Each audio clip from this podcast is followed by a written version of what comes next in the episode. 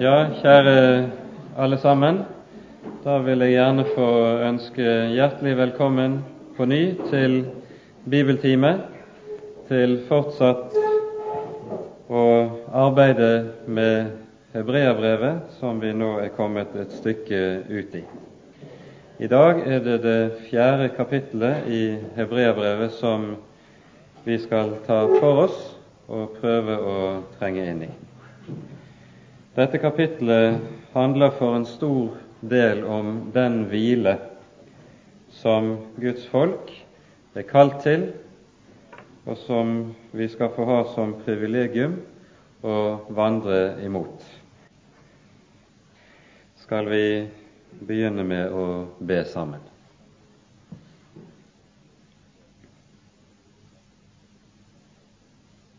Kjære gode Herre og Hellige Far. Vi takker og lover deg at vi på ny skal få lov til å komme sammen i ditt hellige navn, om ditt hellige ord. Takk, Herre, at det er du selv som har kalt oss inn i ditt rike. Ja, du har gitt oss et hjem i din kirke på jorden for at vi også skal få ha et hjem i himmelen hos deg. Vil du, Herre, åpenbare dine ord for oss, og åpenbare din Sønn i ordet for oss, at vi må få lov til å lære å tro Ham og bli bevart hos Ham. Du, Herre, ser hvor meget det er som vil dra oss bort fra ham. Herre, hold oss fast, og send din Hellige Ånd og bevar oss fra det onde. Så ber vi at du også med din ånd vil være her, være til stede og være med min munn og med min tanke, at det som er av deg, får lyde. Amen.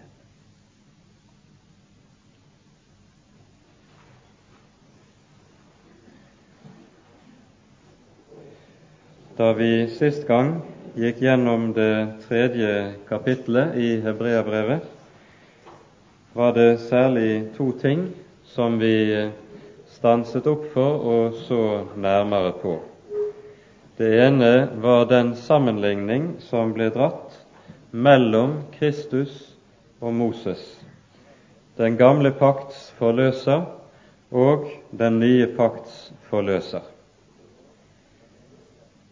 Og dernest dette som er hovedtemaet i det tredje kapittel, det viser tilbake til den 95. salmen i Det gamle testamentet og advarer menigheten mot å drive bort og komme til å falle fra troen, like som Israel gjorde det i ørkenen. Og Da er det særlig beretningen om den gang Israel sto på grensen til det lovede land og skulle innta landet drygt ett år eller noe mer etter utgangen av Egypt. Etter at speiderne hadde vært inne i landet og utspeidet landet, så mista folket helt tiltroen til at det overhodet skal være mulig. Det fortoner seg for dem at motstanderne de står overfor, vanskene de vil møte på veien, de er av en slik art at ingenting vil kunne hjelpe dem. Og så blir vanskene større enn Guds ord for folket, og så mister de troen. Dette er da bakgrunnen for at folket kom til å tilbringe 40 år i ødemarken i stedet for bare ett. Og hele den generasjonen som var voksen da de dro ut av Egypt, hele denne generasjonen går også til grunne i ørkenen. Vi kunne si det slik at det tredje kapittel gir en formaning mot frafallet, så å si med negativt fortegn, i det Israel stilles frem for våre øyne som et advarende eksempel. Det fjerde kapittel fortsetter på denne tråden, men gir nå en formaning med et positivt fortegn. I det forfatteren av Hebreabrevet vil minne forsamlingen om hvilke store løfter det er Gud har gitt, og som de ikke må skusle bort. Og da leser vi det fjerde kapittelet i sammenheng. La oss derfor ta oss i vare, så ikke noen av dere skal vise seg å være blitt liggende etter. For løftet om å komme inn til Hans hvile gjelder ennå. For det glade budskap er blitt forkynt for oss, like som for dem. Men ordet som de hørte, ble til ingen nytte for dem, fordi det ikke ved troen var smeltet sammen med dem som hørte det. For det er vi som kommer inn til hvilen, vi som tror. Han sa jo, så sverget jeg i min vrede, de skal ikke komme inn til min hvile og dette til tross for at gjerningene var fullført fra verdens grunnvoll ble lagt. For ett sted har han sagt om den sjuende dagen, og Gud hvilte på den sjuende dagen fra alle sine gjerninger. Og på dette sted igjen, nei, de skal ikke komme inn til min hvile.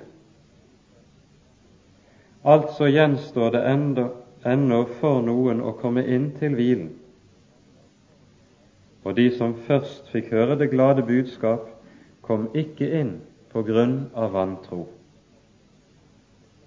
Derfor fastsetter han på ny en bestemt dag, i det han så lang tid etter sier gjennom David, slik som før er sagt, i dag, om dere hører hans røst, da forherd ikke deres hjerter. For hadde Josva ført dem inn til hvilen, da hadde ikke Gud senere talt om en annen dag. Så står det da en sabbatshvile tilbake for Guds folk. Den som kommer inn til hans hvile, får jo hvile fra sine gjerninger, like som Gud fra sine. La oss da gjøre oss umak for å komme inn til denne hvilen, for at ikke noen skal falle etter samme eksempel på vantro. For Guds ord er levende og virksomt og skarpere enn noe tveegget sverd. Det trenger igjennom helt til det kløver sjel og ånd, ledd og marg, og dømmer hjertets tanker og råd. Og ingen skapning er skjult for ham. Alt ligger nakent og bart for hans øyne, som vi skal stå til regnskap for. Da vi nå har en så stor ypperste prest, som er gått gjennom himlene, Jesus, Guds sønn, så la oss holde fast ved bekjennelsen. For vi har ikke en ypperste prest som ikke kan ha med lidenhet med oss i vår skrøpelighet, men en som er prøvet i alt, i likhet med oss, men uten synd. La oss derfor med frimodighet tre frem for nådens trone, for at vi kan få miskunn og finne nåde til hjelp i rette tid.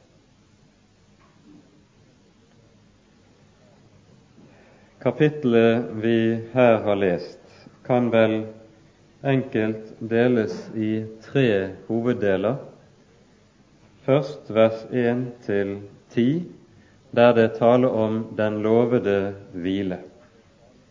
Dernest vers 11 til 13 om Guds ord, og så vers 14 til 16 om Jesus som vår ypperste prest. Vi legger merke til at kapittelet også her begynner med et 'derfor', slik som både det tredje og det annet kapittel gjør. Og dermed viser forfatteren tilbake til det foregående. Noe som skal minne oss om, som vi understreket forrige gang, at Bibelen skal og må leses i sammenheng om vi skal forstå den rett. Det er selve hovedregelen for alt bibelarbeid og bibelstudie. Og det som er årsaken til det aller meste av misforståelser og også ofte av vranglære. Årsaken til det er å finne i at man rykker ord i Skriften ut fra sin sammenheng og isolerer det fra det som er Bibelens budskap for øvrig. Her gjelder det nemlig en ganske bestemt grunnregel. For det første er det jo slik at i den gamle bekjennelsen, som var Israels trosbekjennelse, som lød Hør Israel, Herren vår Gud, Herren er én. Bekjennelsen til Guds enhet.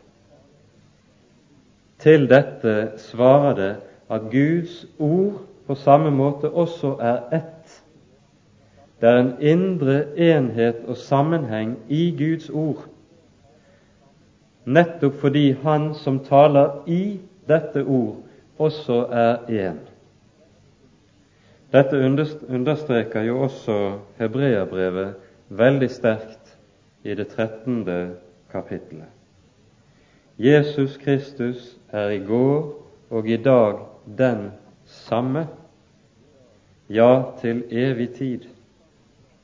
Et ord som nettopp henger sammen med Bibelens budskap om Guds enhet, som i dette perspektiv betyr at Gud er ikke en Gud som forandrer seg med tiden, som er underlagt utviklingens lover, som sa én ting i går, og som kommer til å si noe ganske annet i morgen. Nei, Gud er én, Hans ord er ett, og derfor vil den som arbeider med og leser sin bibel samvittighetsfullt, også se at alt henger sammen. Gjennom alt går det en rød tråd, og er der en indre sammenheng som gjør at intet kan løsrives fra sammenhengen heller. Gud er én, og Hans ord er ett. Dette skal de stadige 'derfor' som står i Bibelens tekster, minne oss om. La oss derfor ta oss i vare, så ikke noen av dere skal vise seg å være blitt liggende etter, sies det. Ordet som brukes i grunnteksten for å ta seg i vare, betyr egentlig 'la oss frykte'. Det peker på noe som en kristen skal være redd for. Det er nemlig svært meget en kristen overhodet ikke behøver å være redd for, som det naturlige mennesket gjerne er meget redd for og meget engstelig for. Tenk bare på Jesu ord i bergprekenen om bekymring. Bekymring er frykt for fremtiden. Slike ting behøver et Guds barn aldri å engste seg for. Det som mennesker ellers bekymrer seg for. Ja, om alle slike ting er det vi hører på ny og på ny i Skriften frykt ikke, frykt ikke. De som har holdt opptelling med Bibelens ord, frykt ikke, sier at dette forekommer 365 ganger i vår bibel, noe som skal minne oss om at dette gjelder hver dag, det gjelder hele livet vårt. Det er meget en kristen overhodet ikke behøver å engste seg for, som menneskene ellers bekymrer seg for og er redd for. Men det er noe en kristen engster seg for, og som menneskene ellers, som ikke kjenner Herren, overhodet ikke ofrer en tanke og bekymrer seg for. La oss ta oss i vare. Det en kristen først og fremst er redd for, hva er det? Det er sitt eget hjerte. Han kjenner nemlig seg selv. Jeremias sier et sted slik Svikefullt er hjertet, mer enn noe annet, og ondt er det. Hvem kjenner det? Vi kjenner ikke engang oss selv, men vi kjenner oss selv såpass godt i Guds lys at vi vet at hjertet vårt det er svikefullt. Vi er ikke til å stole på. Og Derfor er en kristen redd for sitt eget hjerte. For der, nettopp i våre egne hjerter, er det den onde har en forbundsfelle som er vår farligste motstander. Det er også det som ble advart mot i det foregående kapittel i 12.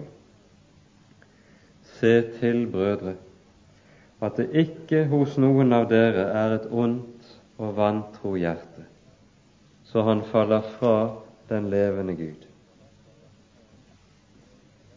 Derfor er dette noe som hører med som en grunnleggende del av sann gudsfrykt, at en kristen frykter sviket i sitt eget hjerte. La oss ta oss i vare, så ikke noen av dere skal vise seg å være blitt liggende etter, begynner avsnittet med. Og her vises det til, når det taler om å bli liggende etter, noe av det som skjedde under Israels ørkenvandring. Vi hører nemlig i 5. Moseboks 25. kapittel om hva som skjedde ved en bestemt anledning.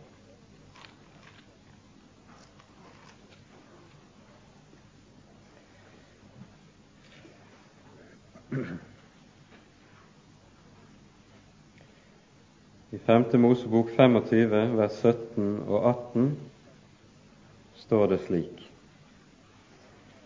Kom i hu det Amalek gjorde mot deg på veien, da dere dro ut av Egypt, hvordan han kom mot deg på veien mens du var trett og sliten, og slo alle de utmattede i baktroppen, som var blitt liggende etter han fryktet ikke Gud.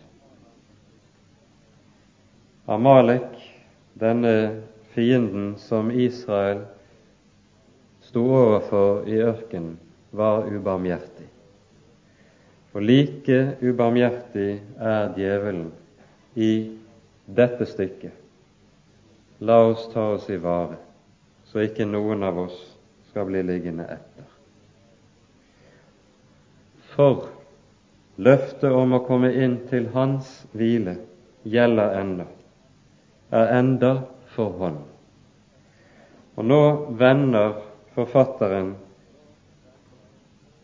i det han skriver, i det han nå legger frem for menigheten, det som Gud har lovet dem. I foregående kapittel er det advarselen som har vært hovedinnholdet. Nå er det løftet som er hovedinnholdet. Løftet om å komme inn til Hans hvile.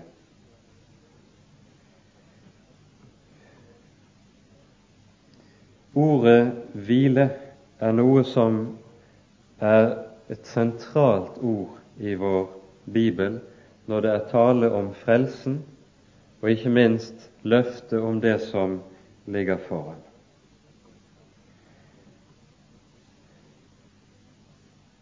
Guds ord, de skal ikke komme inn til min hvile. Vi skal se nærmere på dette. Men vi merker oss at her er det tale om et løfte. Og så sies det i vers 2 for det glade budskap er forkynt for oss. Grunnteksten bruker her et ord som vi kunne oversette med rett og slett 'evangelisert' for oss. Dette som er oversatt med en hel setning, står bare med ett ord i grunnteksten. Og det glade budskap, det er nettopp løftet i evangeliet. Og så skal vi merke oss at det er dette løftet som kan skape tro. For hvorledes er det vi leser? Ordet de hørte, ble dem til ingen nytte. Fordi det ikke ved troen var smeltet sammen med deres hjerter. Det som kjennetegner dette Guds ord og dette Guds løfte, er nemlig en sak at skal det få utføre sin hensikt, så virker det noe ganske bestemt hos den som hører det. Det skaper tro. Tro er noe som et menneske ikke kan tilta seg, som vi ikke kan bestemme oss for, at jeg nå en dag vil bestemme meg for å tro på Gud. Tro er noe som bare kan gis av Gud og virkes av Ham ved Den hellige ånd. Men hvorledes gjør han det? Jo, nettopp ved et ganske bestemt budskap, ved Ordet. Derfor lyder det i Romerbrevets tiende kapittel enkelt og klart slik Troen kommer av forkynnelsen. Troen kommer av forkynnelsen. Der er en kjent anekdote nede fra Rogaland, der den kjente presten Olav Valen Senstad virket i en mannsalder. Han traff en gang på veien til bedehuset en annen forkynner og ble spurt om hva han skulle tale om på kveldens møte. Og Valen Senstad svarte det at jo, i kveld skal jeg tale om mitt yndlingstema, om troen. Forkynneren han gikk sammen med, repliserte fyndig Tal om Jesus du, så kommer troen. Og det setter enkelt og klart fingeren på hva det handler om. Der ordet om Jesus får lov til å lyde, der gjør det en gjerning. Der virker det. Og det det virker, er det som vi hører med uttrykket her. Ordet smelter sammen med den som hører det. I grunnteksten brukes det et ord som er hentet fra metallurgien, der når du smelter to metaller sammen, en, får du en legering. Og nettopp slik er det med dette ord.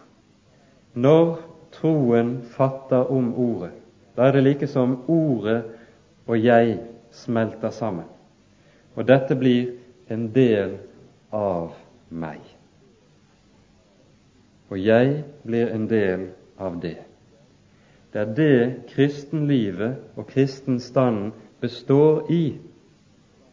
At dette ord blir min del og integreres i meg. Derfor er det også slik at en kristen i alt hva han tenker, er bestemt ut fra dette ord, og ikke kan løsrive seg fra dette ord heller. Ja, han ønsker det ikke engang. Fordi han vet at her, i dette ord og i dette løftet, ligger livet. Jeg har ikke livet noe annet sted. Og når dette ord, når evangeliet her, kalles nettopp for et løfte, hva betyr det? Jo, et løfte er jo et tilsagn der en person lover å gjøre en bestemt sak, i motsetning til et påbud der jeg blir pålagt å gjøre noe. Og nettopp evangeliet er et slikt løfte. Det er et løfte der Gud sier 'Jeg har påtatt meg' Jeg har påtatt meg det som er nødvendig for at du skal bli frelst. Dette er noe jeg har fullbrakt og gir deg i Kristi person, i Jesu navn. Dette er evangeliets løfte. Og der det finner jordsmonn, der spirer det, der gjør det sin gjerning. Nettopp dette at ordet på denne måten, Guds ord, så å si skal legges ned i oss, hører med til noe av forgjettelsen i den gamle pakt også. I et av de sentrale stedene i Det gamle testamentet der vi leser om løftet om evangeliet. Der står det slik hos Jeremias i det 31. kapittel. Dette er den pakt jeg vil opprette med Israels hus etter de dager, sier Herren. Jeg vil gi min lov i deres sinn og skrive den inn i deres hjerter og jeg vil være deres Gud, og de skal være mitt folk. De skal ikke lenger lære hver sin neste og hver sin bror å si Kjenn Herren, for de skal alle kjenne meg, både små og store, for jeg vil forlate deres misgjerning. Og nettopp dette er noe av underet med dette ords gjerning. Når det skrives inn dypt der inne, så gjør det at et menneske lærer Gud å kjenne på samme måten som du kan få et fortrolig vennskap med din neste. Og dette kjennskapet det er av en dypt, dypt personlig karakter så er det alltid slik at når du har med dette ord å gjøre, har du med Herren selv å gjøre. Og det gjelder enten ordet taler som løfte, eller det taler som lov. Enten det taler til frikjennelse og rettferdiggjørelse, eller til dom. Når du har med ord å gjøre, har du med Herren selv å gjøre. Dette ser vi meget tydelig understreket i vers 12 og vers 13 i dette kapittelet. For legg merke til her sies det først for Guds ord er levende og kraftig, skarpere enn noe tveegget sverd. Og så sies det så å si i samme åndedrag og ingen skapning er skjult for hans øyne. Ved å bli gjenstand for Ordet blir du gjenstand for Guds egen handling, og sånn som vi hører det her, for Guds eget gjennomskuende og altseende øye. Det er samme sak det handler om. Det løftet som det er tale om i denne sammenheng, ganske særlig, det er løftet om hvilen. Og Dette er et underlig ord, slik vi lærer det å kjenne gjennom dette kapittelet. For her understrekes det tydelig at det som er evangeliets innerste løfte, hensikten med at han kommer, han sender sin sønn til frelse, det er at vi skal få komme inn til og få del i hans hvile. Den hvile som står omtalt allerede i Første Moseboks annen kapittel etter skapelsen. Og Gud hvilte på den syvende dag etter den gjerning han hadde gjort så kan vi spørre oss selv hva ligger det i dette at det er tale om Guds hvile? Det kan jo ikke bety at Gud er en Gud som er trett og utmattet etter meget arbeid. For den allmektige trettes ikke og utmattes ikke. Det ligger noe ganske annet i dette. I ordet om hvilen ligger det en fylde som sier om Herren og Hans gjerning det er fullbrakt, det er fullkomment. Kom inn i det som er gjort ferdig. Nettopp slik er det jo Jesus tegner evangeliets forkynnelse for oss. I lignelsen om det store gjestebudet i Lukas 14 så lyder innbydelsen nettopp Kom, for alt er ferdig. Og når Jesus skal gå bort, hører vi i Johannesevangeliets 14. kapittel jeg går bort for å gjøre i stand sted for dere. Og når jeg har gjort i stand sted, dvs. Si, når alt er ferdig, da vil jeg komme tilbake og ta dere til meg, for at dere skal være der jeg er. Komme inn til hvilen. Denne hvile innebærer flere ting. Men vi har i selve skaperordningen et forbilde på denne hvilen. Og det er nedfelt for oss i 2. Moseboks 31. kapittel, som jeg tror vi skal ta oss tid til å lese fra. I fra vers 12 av hører vi en del av lovgivningen om sabbaten, og så lyder det slik. Tal til Israels barn og si Mine sabbater skal dere holde, for det er et tegn mellom meg og dere, fra slekt til slekt, for at dere skal vite at jeg er Herren som helliger dere. Legg merke til dette. Jeg er Herren som helliger dere. Sabbaten er et tegn på hva? Hviledagen, hvilen, er et tegn på at det å høre Gud til er å bli helliget det vil si Legg merke til det tales her i passiv. Det er ikke jeg som gjør noe. du som gjør noe, jeg som skal gjøre noe for å hellige meg.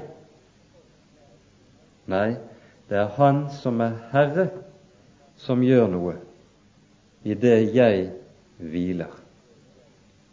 Og det er evangeliet. Og dette anskueliggjør selve sabbatsdagen, høytidsdagen, der folket skal samles for Guds ansikt for oss. Når vi hviler, så arbeider Han som er Herre. Det er evangeliet i et nøtteskall.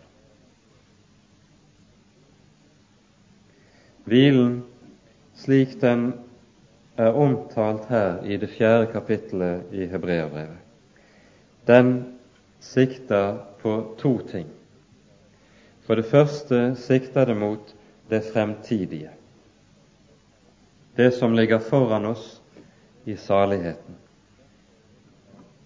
Om dette tales det i Johannes' åpenbaring i det 14. kapittel, som mange gjerne vil huske. I vers 13 lyder det slik.: Jeg hørte en røst fra himmelen si:" Skriv, salige er de døde som dør i Herren fra nå av.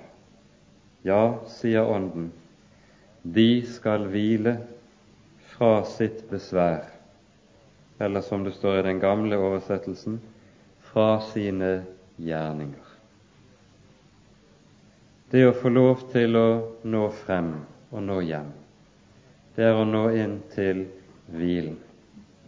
Og her er jo Israels ørkenvandring det viktigste eksempelet vi har i vår bibel. De har vært på en lang vandring, en vandring som har vært slitsom og utmattende.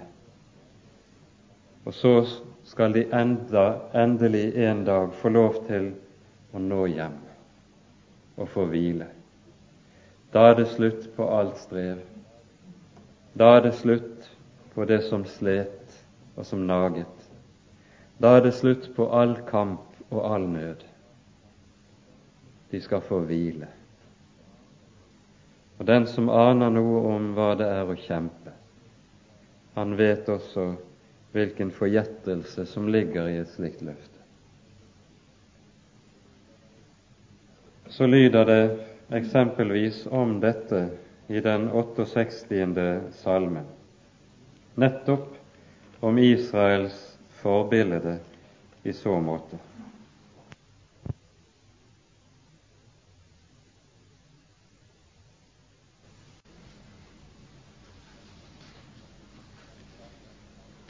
Denne salmen handler om Israels utgang av Egypt og inngang i det lovede land, og så leser vi først i vers 8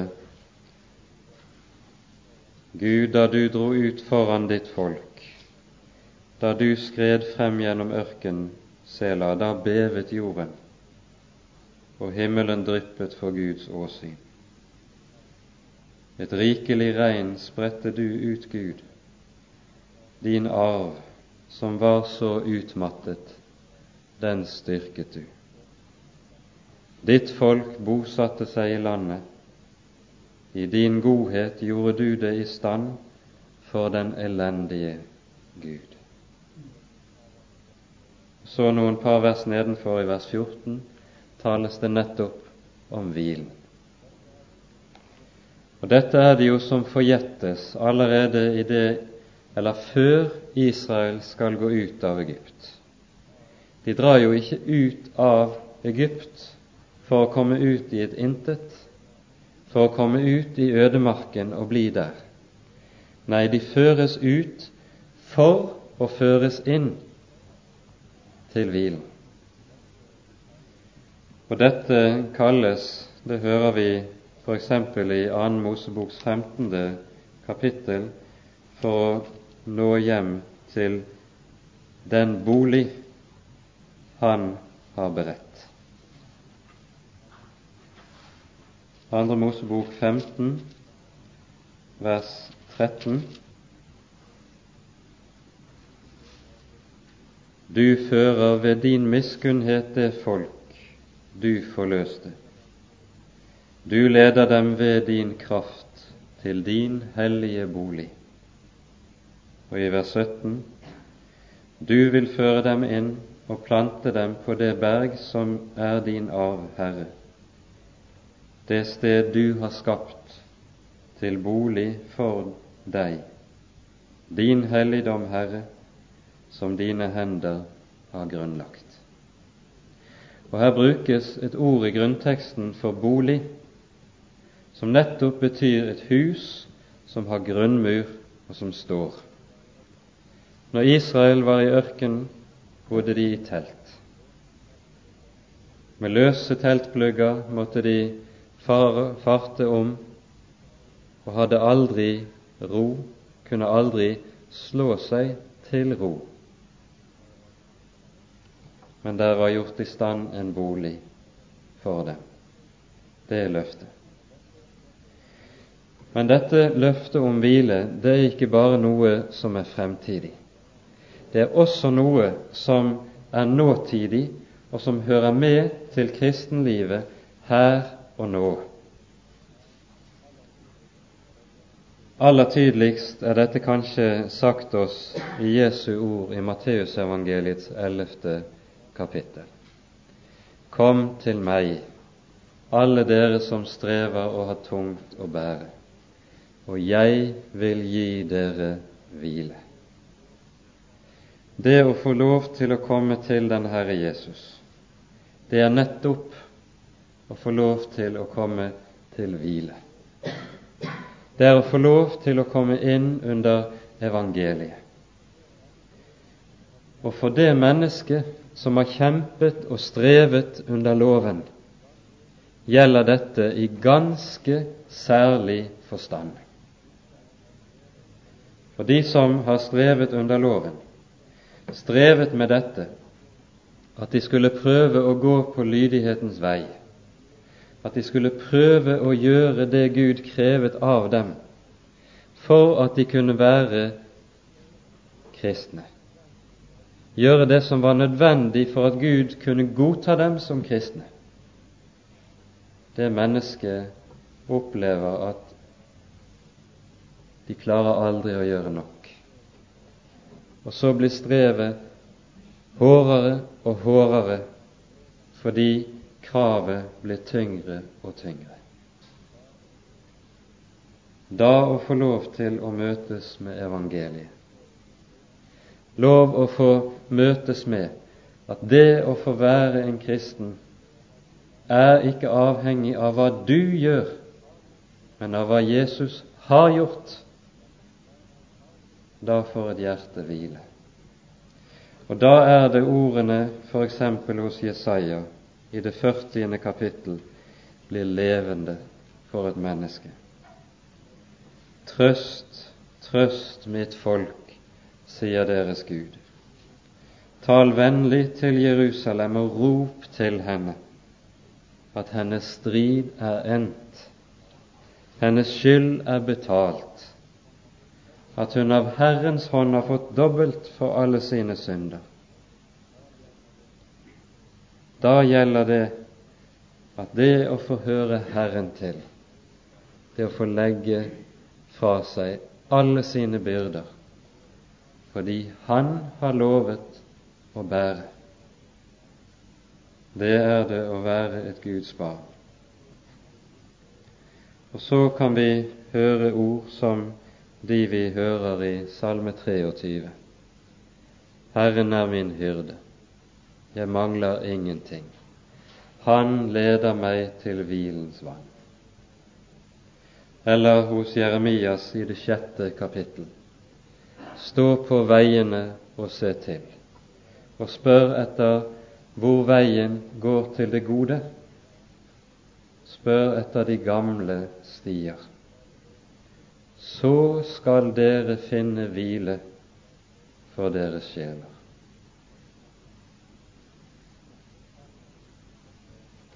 Sammen med disse Guds løfter om hvilen hører det Bibelen ellers taler om fred og det Den hellige Skrift taler om stillheten. Bare i håp til Gud er mitt hjerte stille. Fra Ham kommer min frelse. Og løftet om fred, det henger likeledes sammen med dette. For det er bare der Herrens nåde er, et menneske har fred. Der loven er, er det ingen fred. Der synden er, er det ingen fred. Men der nåden er, der er det fred. Der er det hvile. Og det å være et Guds barn er derfor nettopp dette å hvile i og hvile på hva Jesus har gjort for oss. Han har gjort det, jeg skal få hvile på det. Han har gjort alt for at jeg skal få hvile i det, at det er intet som er avhengig av min egen innsats. Kom, for alt er ferdig, sier evangeliet.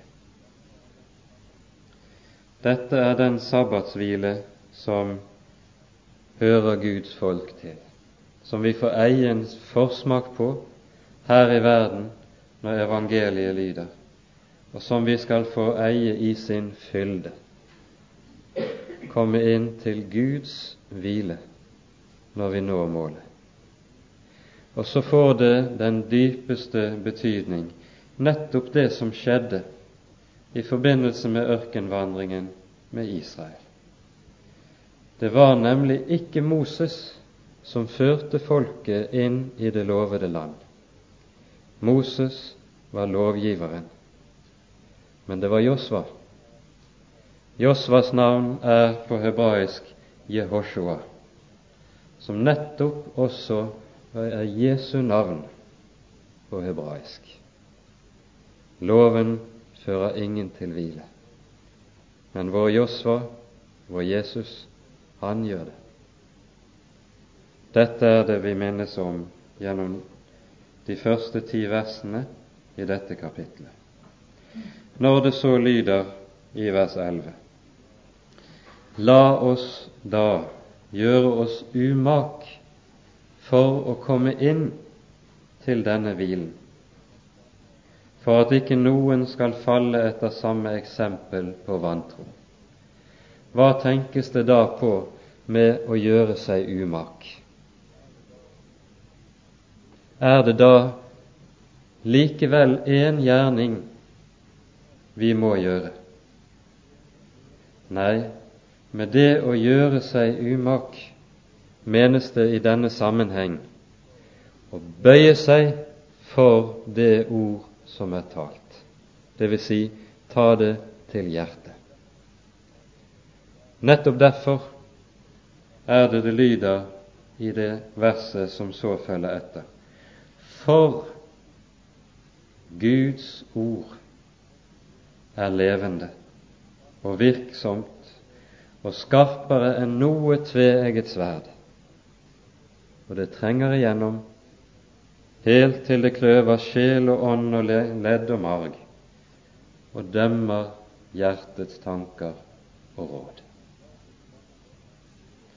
Når det på denne måten sies at Guds ord er levende og virksomt, så er det fordi det er en grunnsannhet gjennom hele Den hellige Skrift at når Gud arbeider og gjør sin gjerning, så gjør han det alltid i og ved sitt ord, og gjør det aldri på annen måte. Så lenge denne verden står, er det i og ved dette ord han virker, aldri utenom det. Og det kan vi ikke understreke sterkt nok. Ved dette ord gjør han to gjerninger. Herren døder og gjør levende. Han både gjør den gjerning at han avslører synden og døder mennesket, sånn som vi hører det i andre sammenhenger i vår bibel. Og som det understrekes på slutten av dette verset, dømmer hjertets tanker og råd. Det er ordets gjerning når det taler som lov, men evangeliet dømmer ikke. Evangeliet gjør en annen gjerning. Om loven døder, så gjør evangeliet levende. Og det dømmer ikke. Det reiser opp. Det frikjenner, i motsetning til å dømme.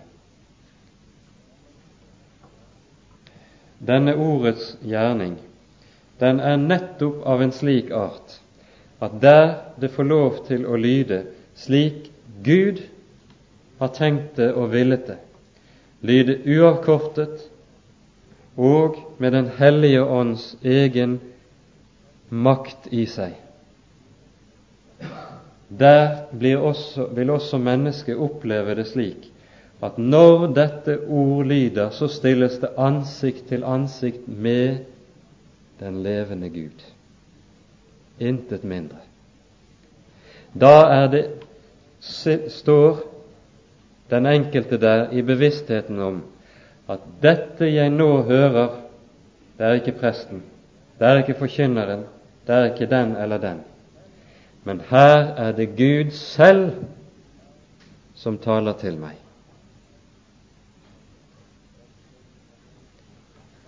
Dette pekes det meget sterkt på i 1. Korinterbrevs 14. kapittel, om vi får lov til å hente frem det. Det er jo et kapittel der det tales meget om tungetalen, og hvor apostelen prøver å lære menigheten en rett bruk av denne, fordi det var gått løpsk i Korint. Og så lyder det i vers 24 og vers 25. Dersom alle taler profetisk, og det så kommer inn en vantro eller ukyndig, da blir han avslørt av alle og dømt av alle. Og det som er skjult i hans hjerte, åpenbares. Da vil han falle på sitt ansikt og tilbe Gud og bekjenne. Gud er sannelig iblant dere. Ja, tenk om det kunne være frukten av at mennesker kom inn i våre forsamlinger. Tenk det. Men slik taler altså Skriften. Når Guds ord får lov til å virke slik som Han som er Herre, har gitt det til, og bli talt slik Han har gitt det til. Det er fordi mennesket da vet seg å stå ansikt til ansikt med den levende Gud at denne bekjennelse kommer. Og så forstår vi også at all sann og rett forkynnelse er slik at den vil ramme mennesker i hjertet. På pinsedag, da Ånden falt, hvorledes var frukten da? Jo, det lyder da de hørte dette, stakk det dem i hjertet, og de sa, Brødre, hva skal vi gjøre for å bli frelst? Det stikket i hjertet er kjennetegnet på at Ånden virker. Og Derfor er det ikke noe mål slik man av og til kan høre det bli sagt, at mennesker skal forlate Kirken oppmuntret og glad. Hvor står det skrevet? Det som er et mål for all sann forkynnelse, er at den enkelte skal få møte den levende Gud. Og om dette møtet så fører til avsløring og stikk i samvittigheten, da skal vi takke Gud, for da har Ånden virket. Og om det så har virket at en som er en fattig synder, har fått trøst, ikke fordi talen var glad og oppmuntrende, men fordi det ble pekt på Jesus på rette vis, på Jesus som synderes venn, da går man også glad fra Guds hus på rette premisser. Guds ord er levende og kraftig. Vi skal legge merke til at i Det gamle testamentet brukes et ord for nettopp ord, som betyr ikke bare ord i vår mening av begrepet, nemlig en lyd som et menneske ytrer, men det betyr også en gjerning. Og det er nettopp dette som ligger under Det nye testamentets tale om Guds ord. Fordi det er når Guds ord lyder, så handler Gud. Ord og gjerning er én og samme sak. Og Derfor kan den kristne menighet aldri tale nedsettende om forkynnelsen. For der forkynnelsen er rett, der virker Gud. Derfor er det også slik at all, alt kristent arbeid har sitt sentrum nettopp i forkynnelsen. Og der man mister troen på forkynnelsen, der mister det kristne arbeid sin mening, sitt innhold, sin betydning. Derfor forkynnelsen kan vi aldri holde hårdt nok på, løfte høyt nok, tillegge høy nok betydning. Ord og gjerning er samme sak. Kapittelet slutter med en siste oppmuntring, da vi nå har en så stor ypperste prest som er gått gjennom himlene, Jesus, Guds sønn, så la oss holde fast ved bekjennelsen. Dette verset kan forstås både som en formaning, i tråd med det vi har pekt på tidligere i de foregående kapitlene. Og som formaning skal vi også ta det til oss. Fordi Jesus er den han er, fordi han har gjort det han har gjort, fordi han har ofret så usigelig meget for vår skyld, så la oss holde fast ved bekjennelsen. Og her, med ordet bekjennelse, tenkes det på det Jesus sier i Matteusevangeliets tiende kapittel. Dersom noen kjennes ved meg for menneskene, da vil jeg også kjennes ved ham for min Fader i himmelen. Men dersom noen skammer seg ved meg og mine ord, han vil også jeg skamme meg over for min Fader i himmelen. Å kjennes ved og å bekjenne er samme ord. Men dette kan også være en tilsigelse.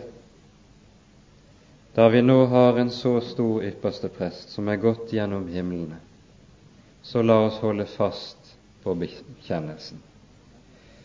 En tilsigelse kan det nemlig være i den betydning, nemlig at der er et menneske som strever og som spør ut fra det dyp nød kan jeg virkelig være en kristen slik som jeg er? Det er så meget i mitt liv som ikke svarer til hvordan en kristen skal være. Kan jeg det? Tør jeg det? Da sies det, da vi har en så stor ypperste prest som har gått gjennom himmelen, Jesus. Så la oss holde fast ved bekjennelsen. Du skal få lov til, nemlig, å kalles et Guds barn fordi det er en som har gått gjennom himmelen. Det er på det grunnlag du skal få være et Guds barn, ikke på grunnlag av at du er slik en kristen bør være. Å gå gjennom himlene med dette uttrykket tenkes det på offertjenesten i Det gamle testamentet, noe vi skal komme tilbake til lenger ut i bibeltimeserien i høst. For, fortsetter forfatteren, vi har ikke en ypperste prest som ikke kan ha medlidenhet med oss i vår skrøpelighet, men en som er prøvet i alt, i likhet med oss, men uten synd. Og Da er nettopp poenget at han var syndfri, for at vi som ikke er syndfrie, skal få kalles Guds barn. Hans syndfrihet gjelder for oss. La oss derfor med frimodighet tre frem for nådens trone, for at vi kan få miskunn og finne nåde til hjelp i rette tid. Her ligger den kristne frimodighet, slik vi også pekte på det forrige gang. Frimodighet som er grunnet i at Jesus har gått foran. Jesus har banet vei for slike som meg. Jesus er min venn. Jesus sitter ved Guds høyre hånd i himlene og går i forbønn for meg. Da kan jeg være frimodig. Om jeg har vansker for å tro at Gud kan høre mine bønner, så skal jeg dog få tro at Han hører sin sønns bønner, og han ber for meg. La oss derfor med frimodighet tre frem for nådens trone, for at vi kan få miskunn og finne nåde til hjelp i rette tid. Ære være Faderen og Sønnen og Den hellige ånd, som var, er og være skal, en sann Gud, høylovet i evighet. Amen.